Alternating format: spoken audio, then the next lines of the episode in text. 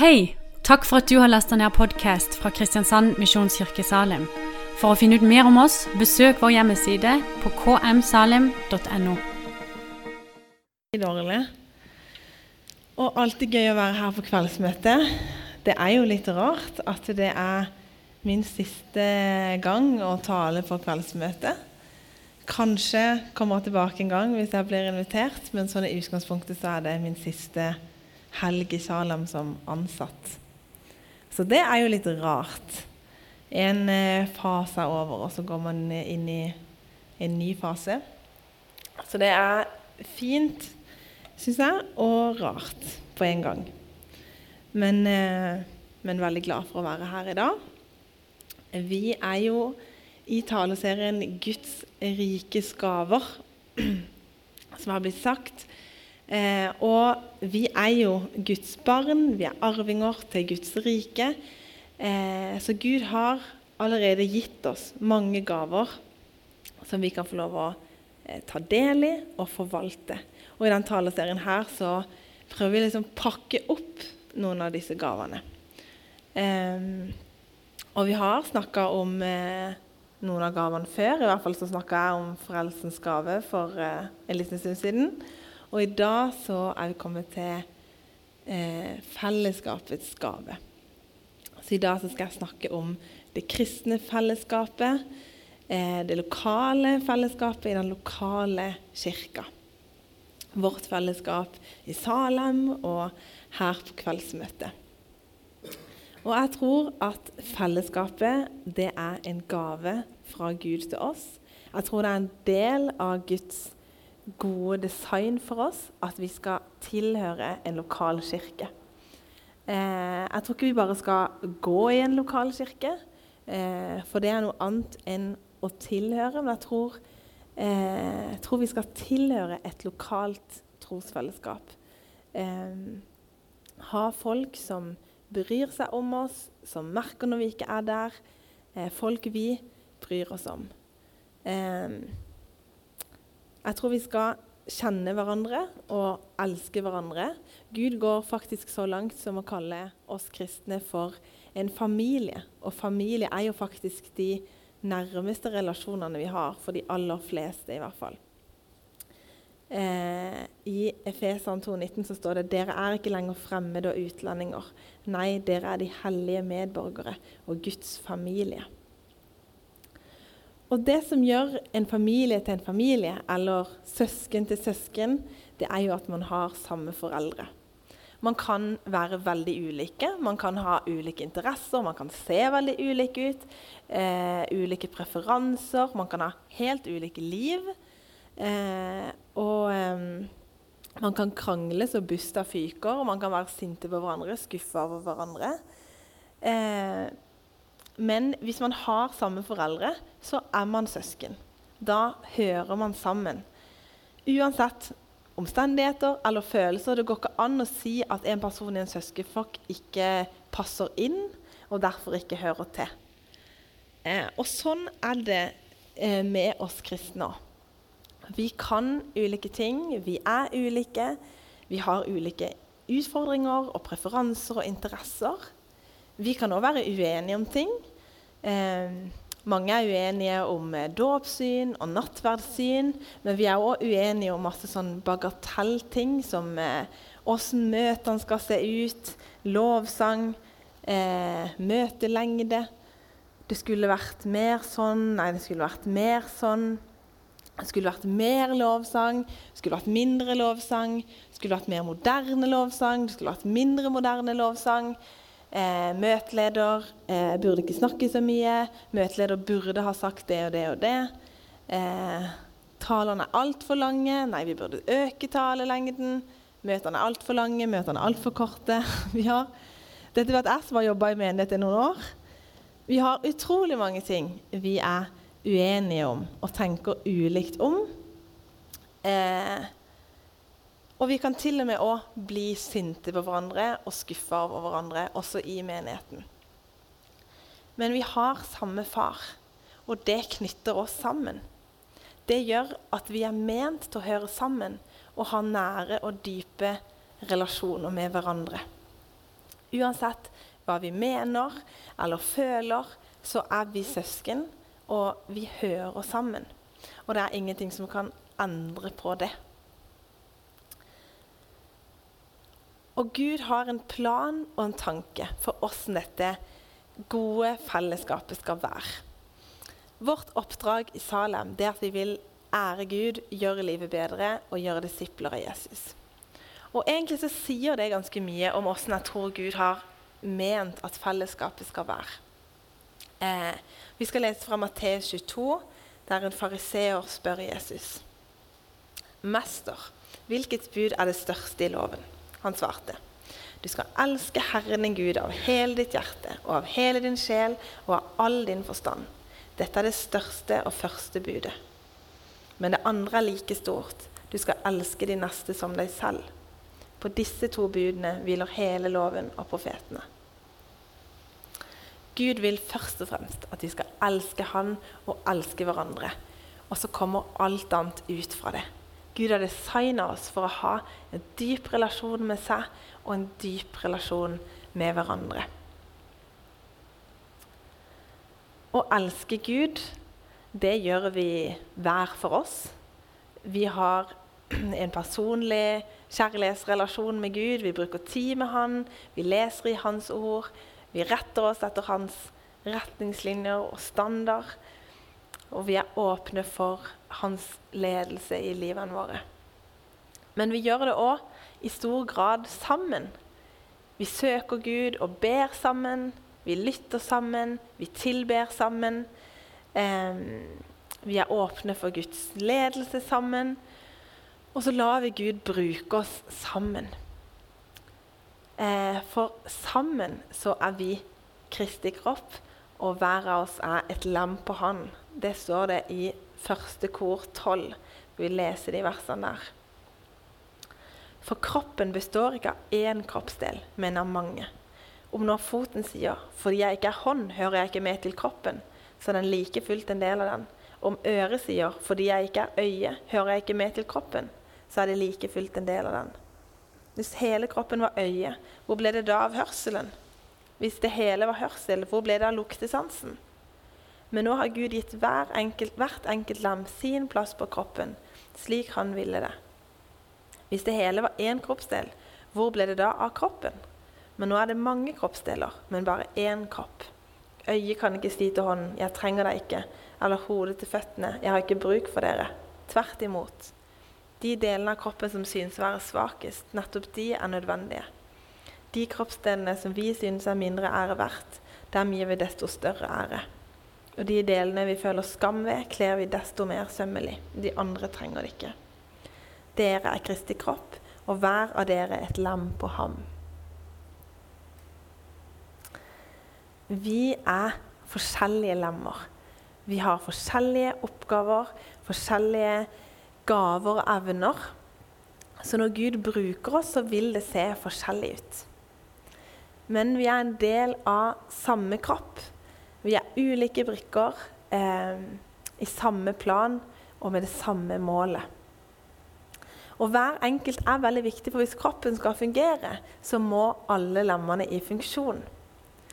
Så la Gud bruke oss og våre gaver. Det er ikke noe vi gjør alene. Det er noe vi gjør sammen.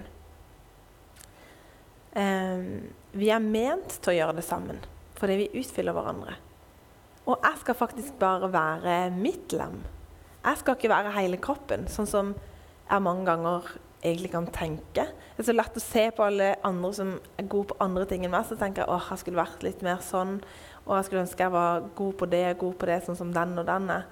Eh, men det, det, er ikke meninga at jeg skal være hele kroppen i meg sjøl. Det er ikke meninga at jeg skal kunne alt eller være alt. Jeg skal bare få lov til å være mitt lem. Gjøre det jeg kan, og det jeg liker, og det Gud har kalt meg til. Og så betyr ikke det at ikke det er ting og levemåter vi skal strekke oss etter, og at ikke vi skal vokse og utvikle oss.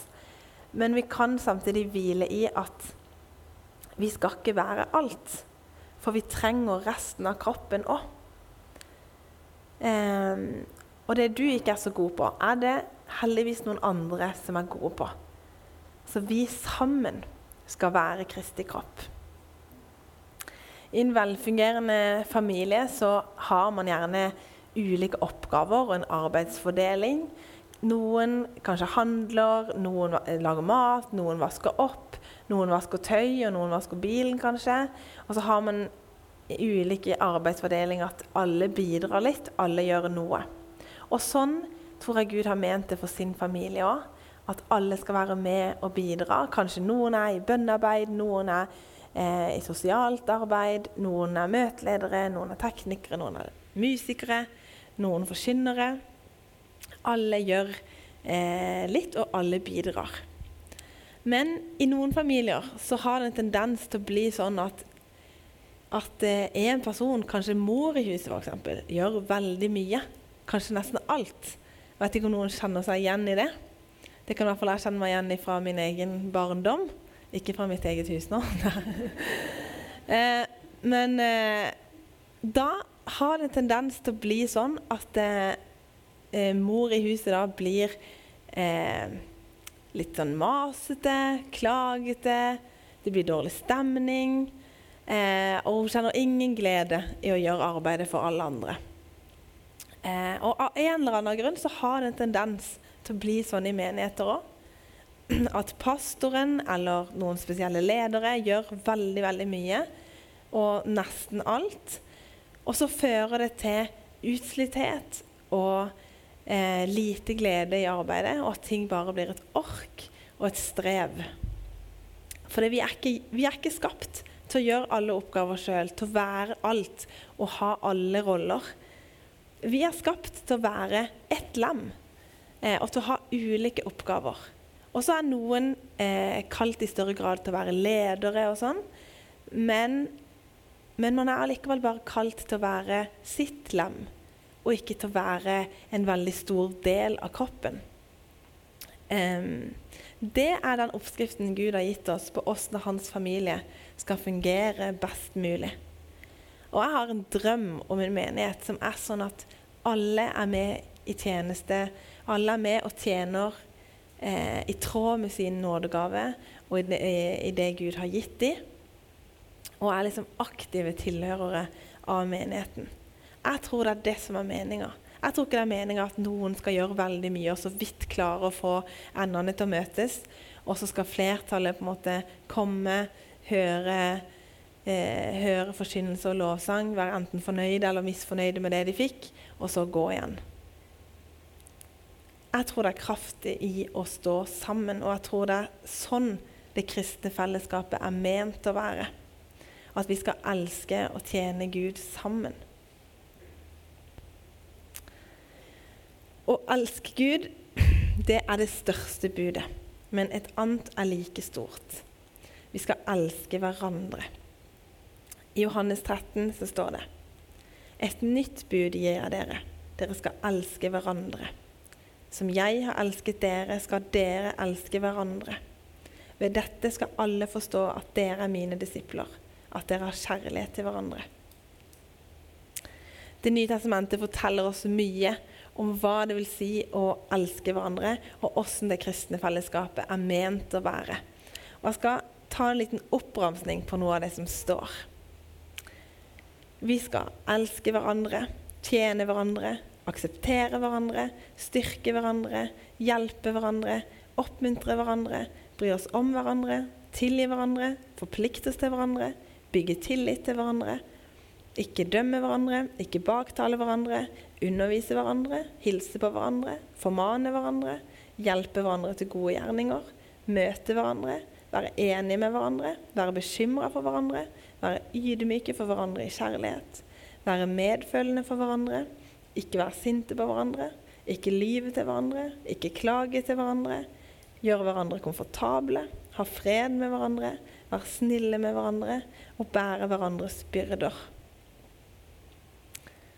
Og denne kjærligheten til hverandre, åssen det kristne fellesskapet ser ut, skal faktisk være kjennetegnet på at vi er Jesu disipler. Gjennom det så skal verden få se Jesus. Men disse hverandrene, det er ikke mulig å få til hvis vi bare går i en kirke og ikke tilhører en kirke. For hvordan bygger man f.eks. tillit til hverandre? Da trenger man jo å eh, være så nær at man kan stole på hverandre og tørre å åpne seg for hverandre. Og medfølelse det er helt umulig å vise hvis man ikke kjenner hverandre. Hvis man ikke kjenner hverandres historie, erfaringer, vet hva man har vært gjennom. Å tilhøre en kirke, det vil faktisk si å operere i disse hverandrene. Uperfekt, men allikevel forsøkende. Det er her vi skal forplikte oss til å jobbe med disse hverandrene og strekke oss etter dem. Vi trenger å tilhøre en kirke der vi tenker at her skal jeg slå røtter, her skal jeg vokse, her skal jeg jobbe med disse hverandrene. Dette skal være min familie. Allikevel så velger mange å ikke tilhøre en kirke eller ha en menighet som på en måte er hjemme. Og det kan være veldig mange ulike grunner til det. Eh, men jeg tror vi trenger et sted å høre til. Et fellesskap å være en del av. Vi trenger det fordi det er godt for oss. Eh, fordi vi ikke kommer til å oppleve det Gud har for oss i dype og meningsfulle relasjoner med andre kristne hvis ikke. Eh, fordi at Gud har skapt oss som flokkdyr som skal stå sammen og elske hverandre. Og fordi du alene bare er ett lam og uten resten av kroppen, så kommer du ikke så veldig langt. Uten resten av kroppen så vil du mest sannsynlig ikke vokse, lære deg å kjenne dine nådegaver, få se og oppleve hva Gud har for deg, og hva Han har kalt deg til. For vi trenger hverandre. Vi trenger hverandre til å pushe oss, til å se oss, til å vise oss omsorg, til å lære oss ting, til å utfordre oss. Jeg har hørt veldig få solskinnshistorier om kristne som har levd et helt kristent liv, kristenliv alene, og likevel eh, fått vokse, ta steg og få se mer og mer av Gud. Vi er skapt til å være sammen og til å bære hverandre. For Gud virker i fellesskapet. Gud har ikke lagt all kunnskap ned i én person. Han har fordelt det utover mange. Så når vi deler ting med hverandre, når vi deler oppdagelser eller noe vi har sett eller opplevd, når vi bekjenner, når vi støtter hverandre, da snakker Jesus. Det veldig sånn håndgripelig og konkrete gudsnærværet, det oppleves oftest, tror jeg, i det kristne fellesskapet. Fordi når vi har det vondt, kanskje vi er syke, har det tøft, eller kanskje til og med bare lurer på noe, så kan det kristne fellesskapet være Jesu hender og føtter og vise Guds omsorg for deg. Jeg har kristne venner som er der for meg, og som ber for meg.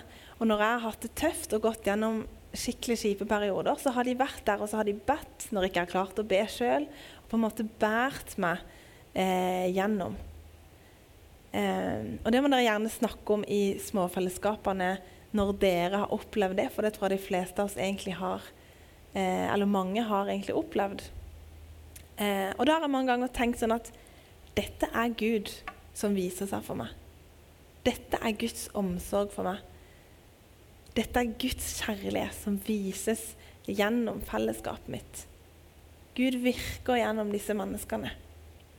Det er ingenting som er så fint og så befriende som å komme til andre kristne med sine kamper og svakheter og feil, og ha andre som kan, som kan stå med og kjempe seg gjennom det sammen med deg. I første kor 12 så står det For om ett lem lider, lider alle de andre med. Og om ett lem blir hedret, gleder alle de andre seg. Det kristne fellesskapet det er en gave fra Gud som han vet at vi trenger, og som han ønsker at vi skal få åpne og få lov til å kjenne dybden og gleden av. Um, og Bibelen sier også mye om Guds tanker for fellesskapet, og hvordan det er ment å være. Men dessverre så er vi ofte langt unna det i praksis. Noen har kanskje merka at Guds menighet ikke automatisk driver mot dette idealet. Mot enhet og kjærlighet. Det er ikke bare noe som skjer av seg sjøl. Vi opplever uenigheter, vi opplever utfordringer, vi opplever splittelse.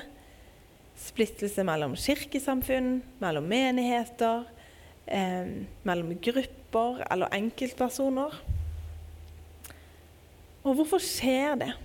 Hvorfor kan vi oppleve splittelse framfor enhet, som er Guds gode intensjon med sin kirke? Jeg tror det skjer når mennesker blir for opptatt av seg sjøl istedenfor å ha blikket festa på Gud. Når vi setter oss sjøl, våre meninger, våre behov for høyt. Vi dømmer kanskje andre og de sitt syn. Vi irriterer oss. Vi vil ikke. Eh, eh, vi klarer ikke eller vil ikke sette oss inn i andre situasjoner eller se ting fra et annet ståsted.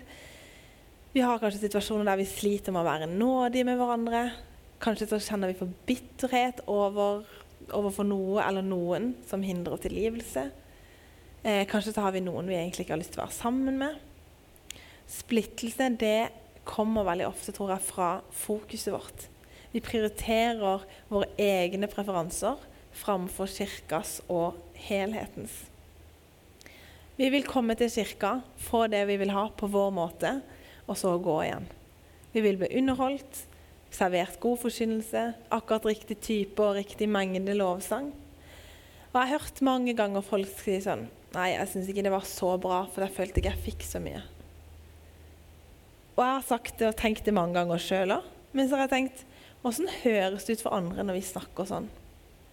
Høres det ikke veldig trangsynt og selvsentrert ut? Høres det ikke ut som at fokuset på gudstjenesten er meg. Hva jeg sitter igjen med. Åssen min opplevelse var. Om jeg er fornøyd.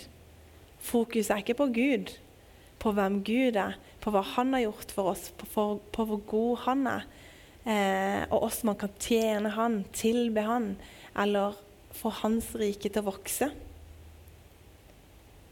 Vi er veldig ofte veldig individualistiske. Og vi fokuserer veldig mye på oss sjøl eh, istedenfor Gud og det han gjør. Og jeg har gjort det mange ganger sjøl, men så har jeg blitt minna på at eh, når noen eh, leder lovsang eller leder møte eller taler eh, så jobber Gud med den personen. Helt uavhengig av hvor mye jeg fikk ut av det, eller om det var helt i tråd med mine preferanser. Um, når mennesker stiller seg i tjeneste for Gud, tør å ta steg, kanskje gå ut av komfortsona, tør å gå på det som Gud har utfordra dem til, så jobber Gud. Både med den personen og med de menneskene rundt. Um, og så må jeg også minne meg på at vi er forskjellige. Så hvis eh, hvis jeg ikke fikk noe ut av det, så var det helt sikkert noen andre som gjorde det. For at Gud taler til oss på forskjellige måter. Og vi trenger forskjellige ting på forskjellige tidspunkt. Og så er det kanskje til og med at ikke det er mine ønsker eller preferanser som var eh, det Gud ville med akkurat det, det, møtet eller det som skjedde da. Og Kanskje ikke det engang en, en var det som var best for menigheten eh, og for fellesskapet som helhet, eller det som til syvende og sist vil føre til vekst. Det er det jo bare Gud som vet. Og da tenker jeg vi må stole på Gud og det han gjør. Um, men alle disse tankene som handler om meg sjøl, alt det individuelle fokuset, alle de andre prioriteringene enn Jesus og at hans rike skal vokse, det er ødeleggende. Det er en trussel mot enheten og mot fellesskapet. Og det fører heller til splittelse enn til enhet. Og det er ikke noe rart at det er sånn, for det er akkurat sånn verden er. Det handler om meg, meg, meg, mitt, mitt, mitt. Så lenge jeg har det bra, så lenge jeg er fornøyd. Men det er ikke en bibelsk måte å tenke på. I Efesene 4 så står det så formaner jeg dere jeg som er fange for Herrens skyld, at dere lever et liv som er verdig det kallet dere har fått, i mildhet, ydmykhet og storsinn, så dere bærer over med hverandre i kjærlighet. Sett alt inn på å bevare åndens enhet i den fred som binder sammen. Det er Guds måte. Å gjøre alt for å bevare enhet i mildhet, ydmykhet og overbærenhet. Det er å tenke på de andre, på fellesskapet, på helheten, og ikke bare på meg sjøl. Så når vi eh, er i dette individualistiske fokuset, så ser vi egentlig på verdens visdom framfor på Guds visdom. Er det det vi vil? Jeg håper ikke det. Jeg vil i hvert fall ikke det. Så åssen kan vi bevege oss nærmere det fellesskapet sånn som Gud hadde ment det? Og pakke opp den gaven og på en måte ta del i alle de velsignelsene som den bringer med seg.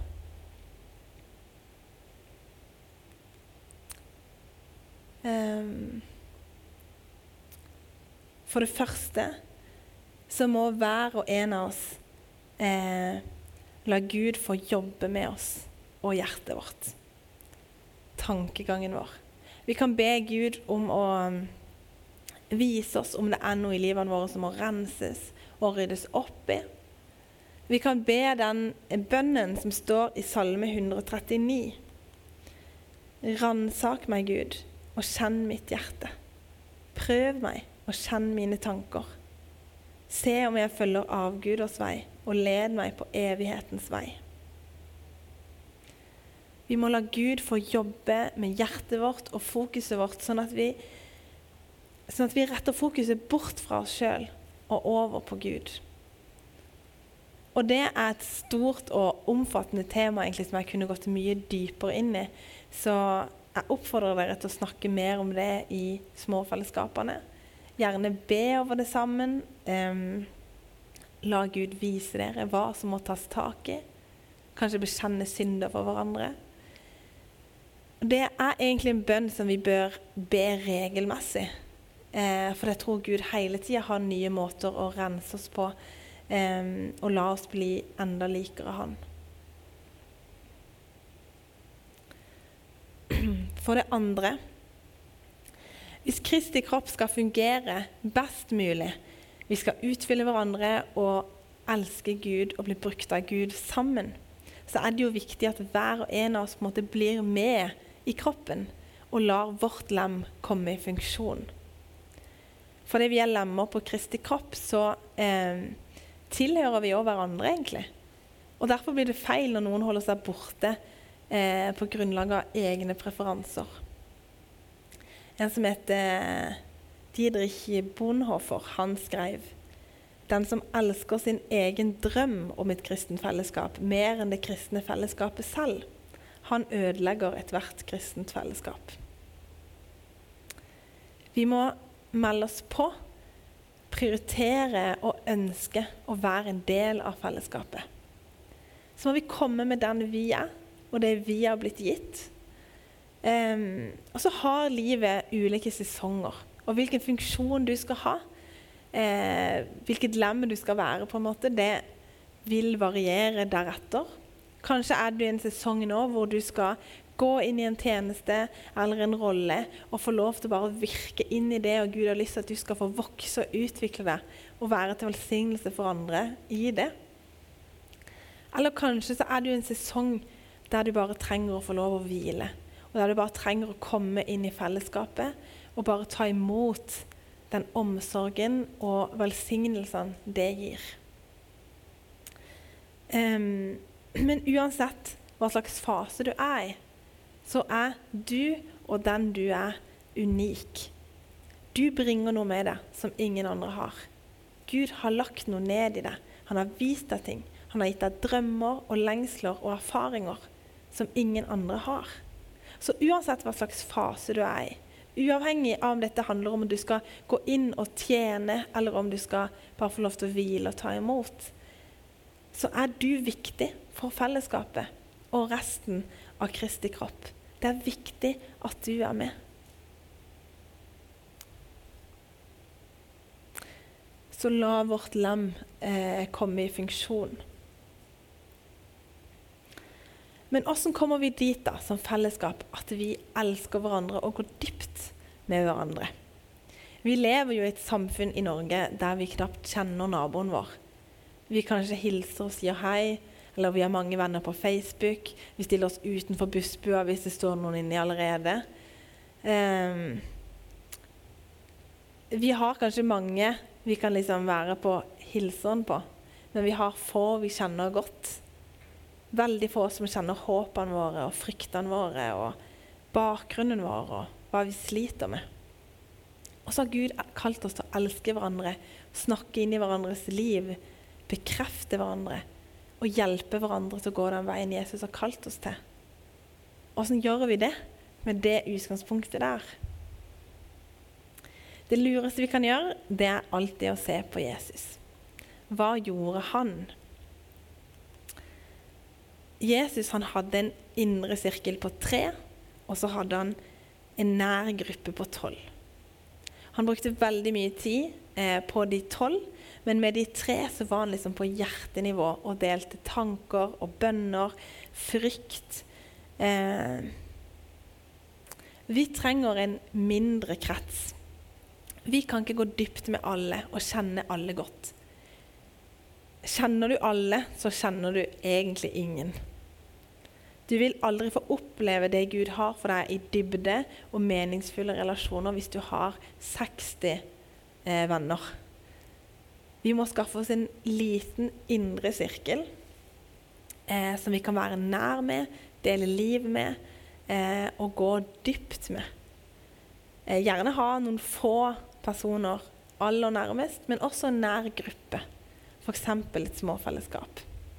Og I Salem så har vi mange småfellesskap som samles jevnlig og ber sammen og leser i Bibelen og deler liv og tro med hverandre.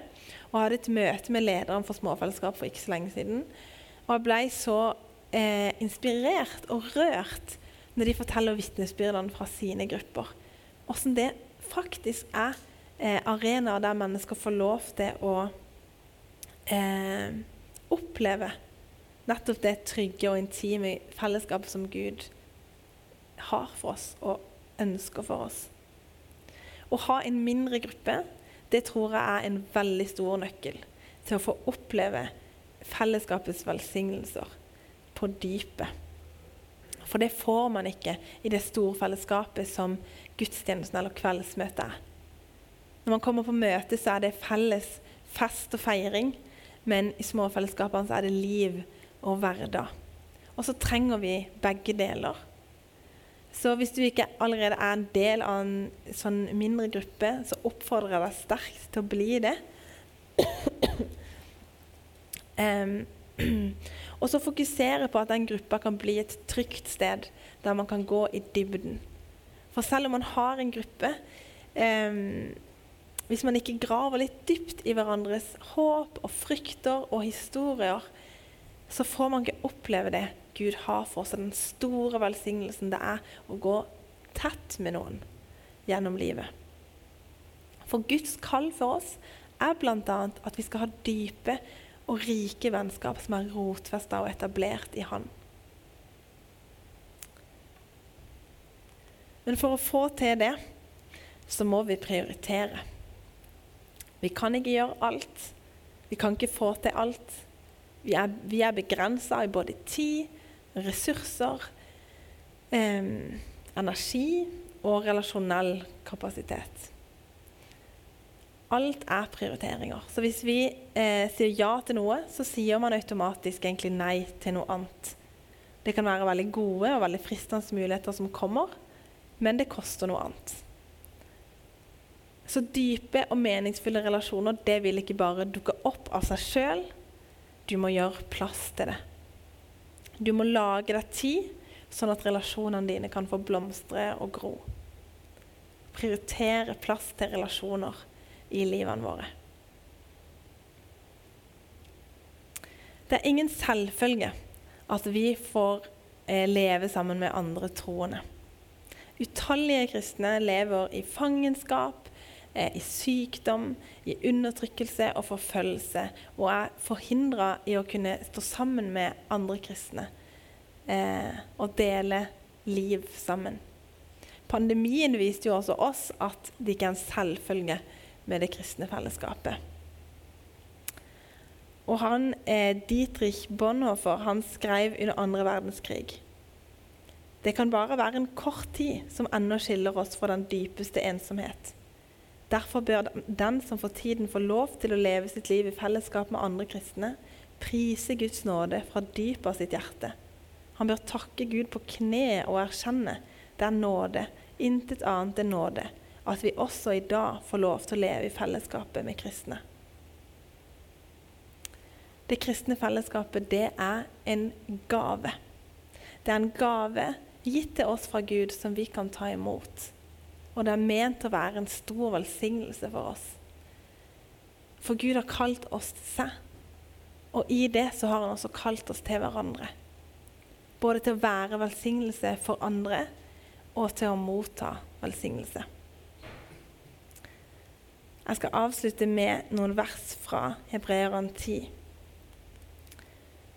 La oss ha omtanke for hverandre så vi oppgløder hverandre til kjærlighet og gode gjerninger. Og la oss ikke holde oss borte når menigheten vår samles, som noen har for vane. La oss heller oppmuntre hverandre. Og det er så mye mer som dere ser at dagen nærmer seg. Kjære Jesus, jeg bare takker og priser deg for den gaven som fellesskapet er. Takk for de rike velsignelsene som ligger for oss i det. Jeg ber Jesus om hjelp til å pakke opp den gaven, Jesus. Og Jeg bare ber for de menneskene som sitter her nå, Jesus. Jeg ber om at de skal få oppleve dette i sitt liv. En større rikdom og større velsignelse enn det de har i dag. Jesus. La de bare få lov til å pakke opp enda mer av den gaven.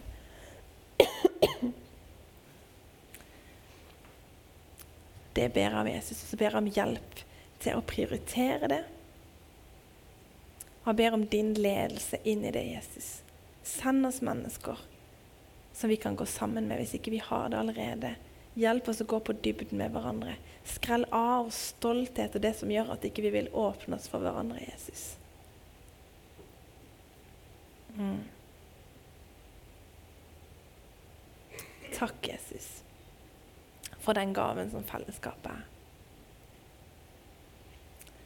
Amen.